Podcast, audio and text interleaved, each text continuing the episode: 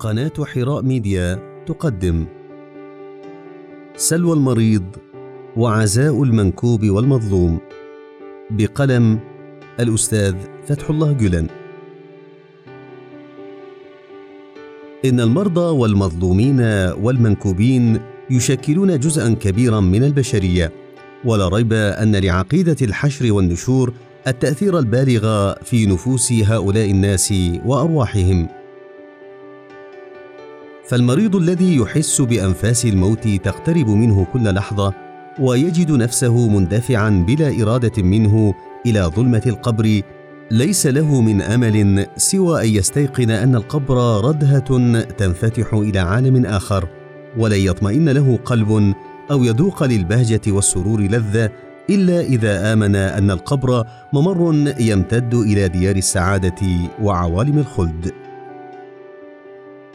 بهذه الطمأنينة وبذلك اليقين يتسلى المريض عن آلام الرأس والظهر المبرحه وأوجاع السرطان المؤرقه وبهما أيضا يقاوم ما يثور في نفسه من مخاوف وهواجس كلما أحس بحدة مخالب الموت وهي تنهش أحشاءه فيقول أنا راحل ولن يستطيع أحد أن يوقف هذه الرحلة. غير أني مسافر إلى عالم أكتسب فيه صحتي الحقيقية وأنال شبابا ابديا. أنا ذاهب إلى ديار الله التي يصير إليها الناس جميعا وهكذا ينسى مرضه وتخف آلامه.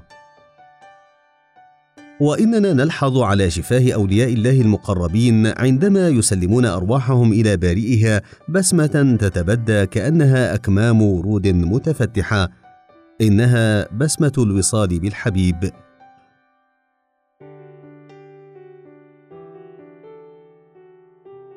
وعندما حانت لحظات سيد الأنبياء الاخيره صلى الله عليه وسلم سحب يديه من بين يدي عائشة رضي الله عنها وردد قائلا اللهم الرفيق الأعلى.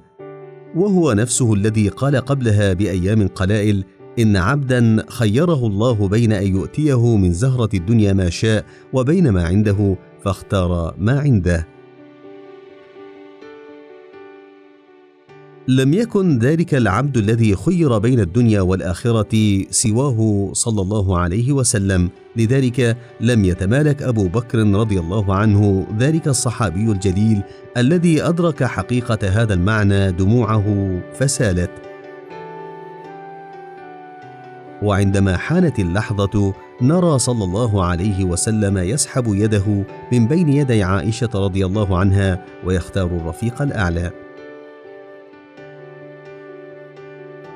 كذلك عمر بن الخطاب رضي الله عنه تلك الشخصية السامقة نراه مستلقيا على البطحاء متوسدا الأرض رافعا يديه إلى السماء داعيا ربه اللهم كبرت سني وضعفت قوتي وانتشرت رعيتي فاقبضني إليك غير مضيع ولا مفرط.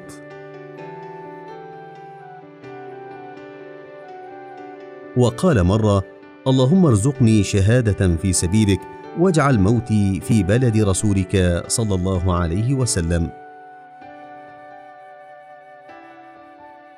ما الباعث الذي يجري على ألسنتهم هذه الكلمات ويثير في أنفسهم حب الموت يا ترى؟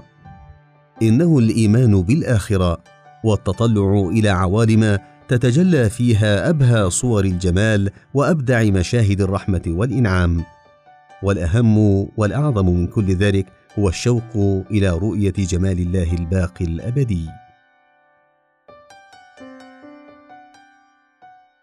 ولا تخمد ثورة المظلوم الذي يتحرق شوقا ويتقلب حرصا على الثأر من الظالم الذي انتهك حرمته ولوث شرفه وعرضه إلا إذا تصور ذلك اليوم الذي يؤخذ فيه بتلابيب هذا الظالم أخذ عزيز مقتدر وتصور تلك الدار التي يغدق الله فيها عليه ما لا يحصى من العطاء لقاء ما عاناه في الحياة الدنيا.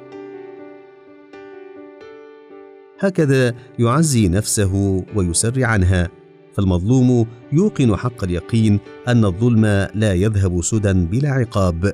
لا بد أن يأتي يوم تعقد فيه محكمة كبرى وتوزن فيه كل الأعمال بميزان دقيق فيعاقب الظالم ويكافأ المظلوم.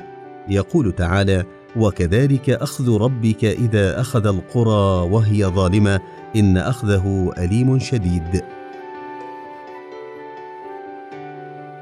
أي إذا أخذ الله القرى وهي ظالمة فلن تجد ابدا من ينجيها. وبهذا الأخذ يكون المظلوم قد انتقم من الظالم المتجبر عليه وروح عن نفسه. أما المنكوب المنكوب الذي دهته مصائب سماوية أو أرضية أصاب بستانه البرد أو جرفه السيل أو هز الزلزال منزله فهدمه وأهلك عياله وأحال عمرانه إلى خراب وأنقاض. هذا الرجل لا يسليه عما ألم به من المصائب إلا تصور البعث بعد الموت. فهذا التصور يخبره بأن المال الذي ضاع في الكارثة صدقة والنفوس التي زهقت شهيده وهكذا يتنسم قلبه برد السكينة والاطمئنان. ومن هنا يظهر جليا أن البيت الذي تفوح فيه روائح الإيمان بالآخرة يستحيل إلى روضة من رياض الجنة.